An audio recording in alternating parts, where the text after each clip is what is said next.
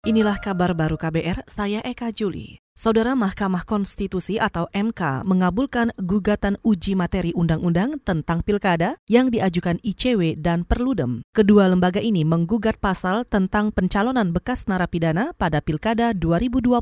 Peneliti Perludem Fadli Ramadhanil mengatakan, pasca putusan MK itu, Perludem mendesak KPU segera merevisi peraturan KPU atau PKPU. Dan itu memang penting untuk ditindaklanjuti dalam peraturan KPU agar dibuatkan rumusan yang jauh lebih detail bagaimana sudah putus dalam amar putusan MK. Peneliti Perludem Fadli Ramadhanil juga menambahkan sudah tidak ada alasan lagi bagi KPU untuk menunda revisi aturan itu. Sebab saat ini sudah memasuki proses pencalonan perseorangan untuk kepala daerah. ICW dan Perludem mengajukan gugatan uji materi undang-undang tentang pemilihan kepala daerah atau pilkada. Gugatan itu mendesak perubahan sejumlah poin, di antaranya pengumuman status narapidana calon kepala daerah kepada publik.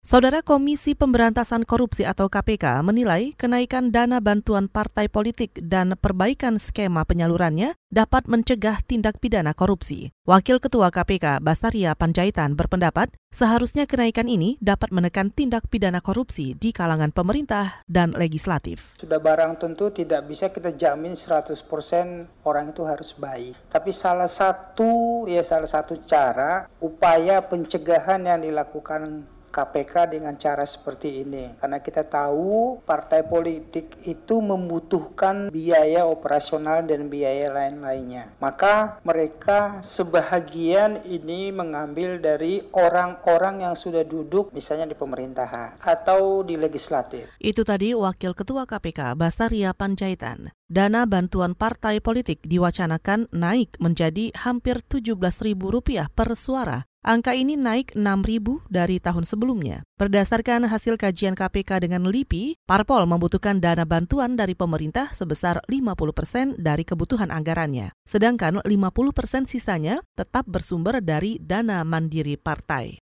Saudara hampir 5.000 kelompok penerima manfaat atau KPM program Keluarga Harapan atau PKH di Provinsi Nusa Tenggara Barat tidak lagi menerima bantuan. Kepala Dinas Sosial Provinsi Nusa Tenggara Barat Wisma Ningsih Rajadiah mengatakan ribuan penerima keluar sebagai penerima manfaat karena sudah tidak memenuhi syarat. Kalau kita kan berdasarkan persyaratan, persyaratan misalnya sudah tidak eligible anak kan harusnya anak sekolah, mungkin sudah tidak ada anak sekolah itu itu dasar data kita yang sudah lama ini data-data penerima lama harusnya kalau ini sudah kita keluarkan nah itu harusnya masuk lagi secara otomatis itu dari dari kabupaten berdasarkan muskel musdes itu supaya benar-benar pas lah sasarannya. Kepala Dinas Sosial Provinsi Nusa Tenggara Barat Wisma Ningsi Drajadiah juga mengatakan ia mendapat laporan sebanyak 900-an keluarga mengeluarkan dirinya sendiri sebagai penerima manfaat karena sudah merasa tidak berhak. Wisma Ningsih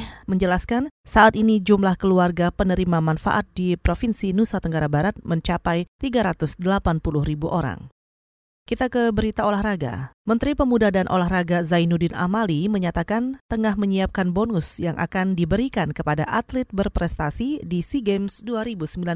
Zainuddin mengatakan pemberian bonus kepada para atlet Indonesia merupakan arahan langsung dari Presiden Joko Widodo. Menurutnya, Presiden mengapresiasi kerja keras para atlet dalam mengharumkan nama bangsa di kancah internasional. Ia juga menjelaskan saat ini pihaknya tengah berkoordinasi dengan Kementerian Keuangan terkait pemberian bonus kepada atlet. Menurut Zainuddin, bonus yang akan diberikan kepada atlet SEA Games 2019 akan lebih besar dari yang diterima pada ajang serupa periode sebelumnya. Namun ia masih belum merinci besaran bonus yang akan diterima para atlet berprestasi itu. Pada ajang SEA Games 2019 di Filipina ini, Indonesia mengantongi 72 medali emas, 84 medali perak, dan 111 medali perunggu.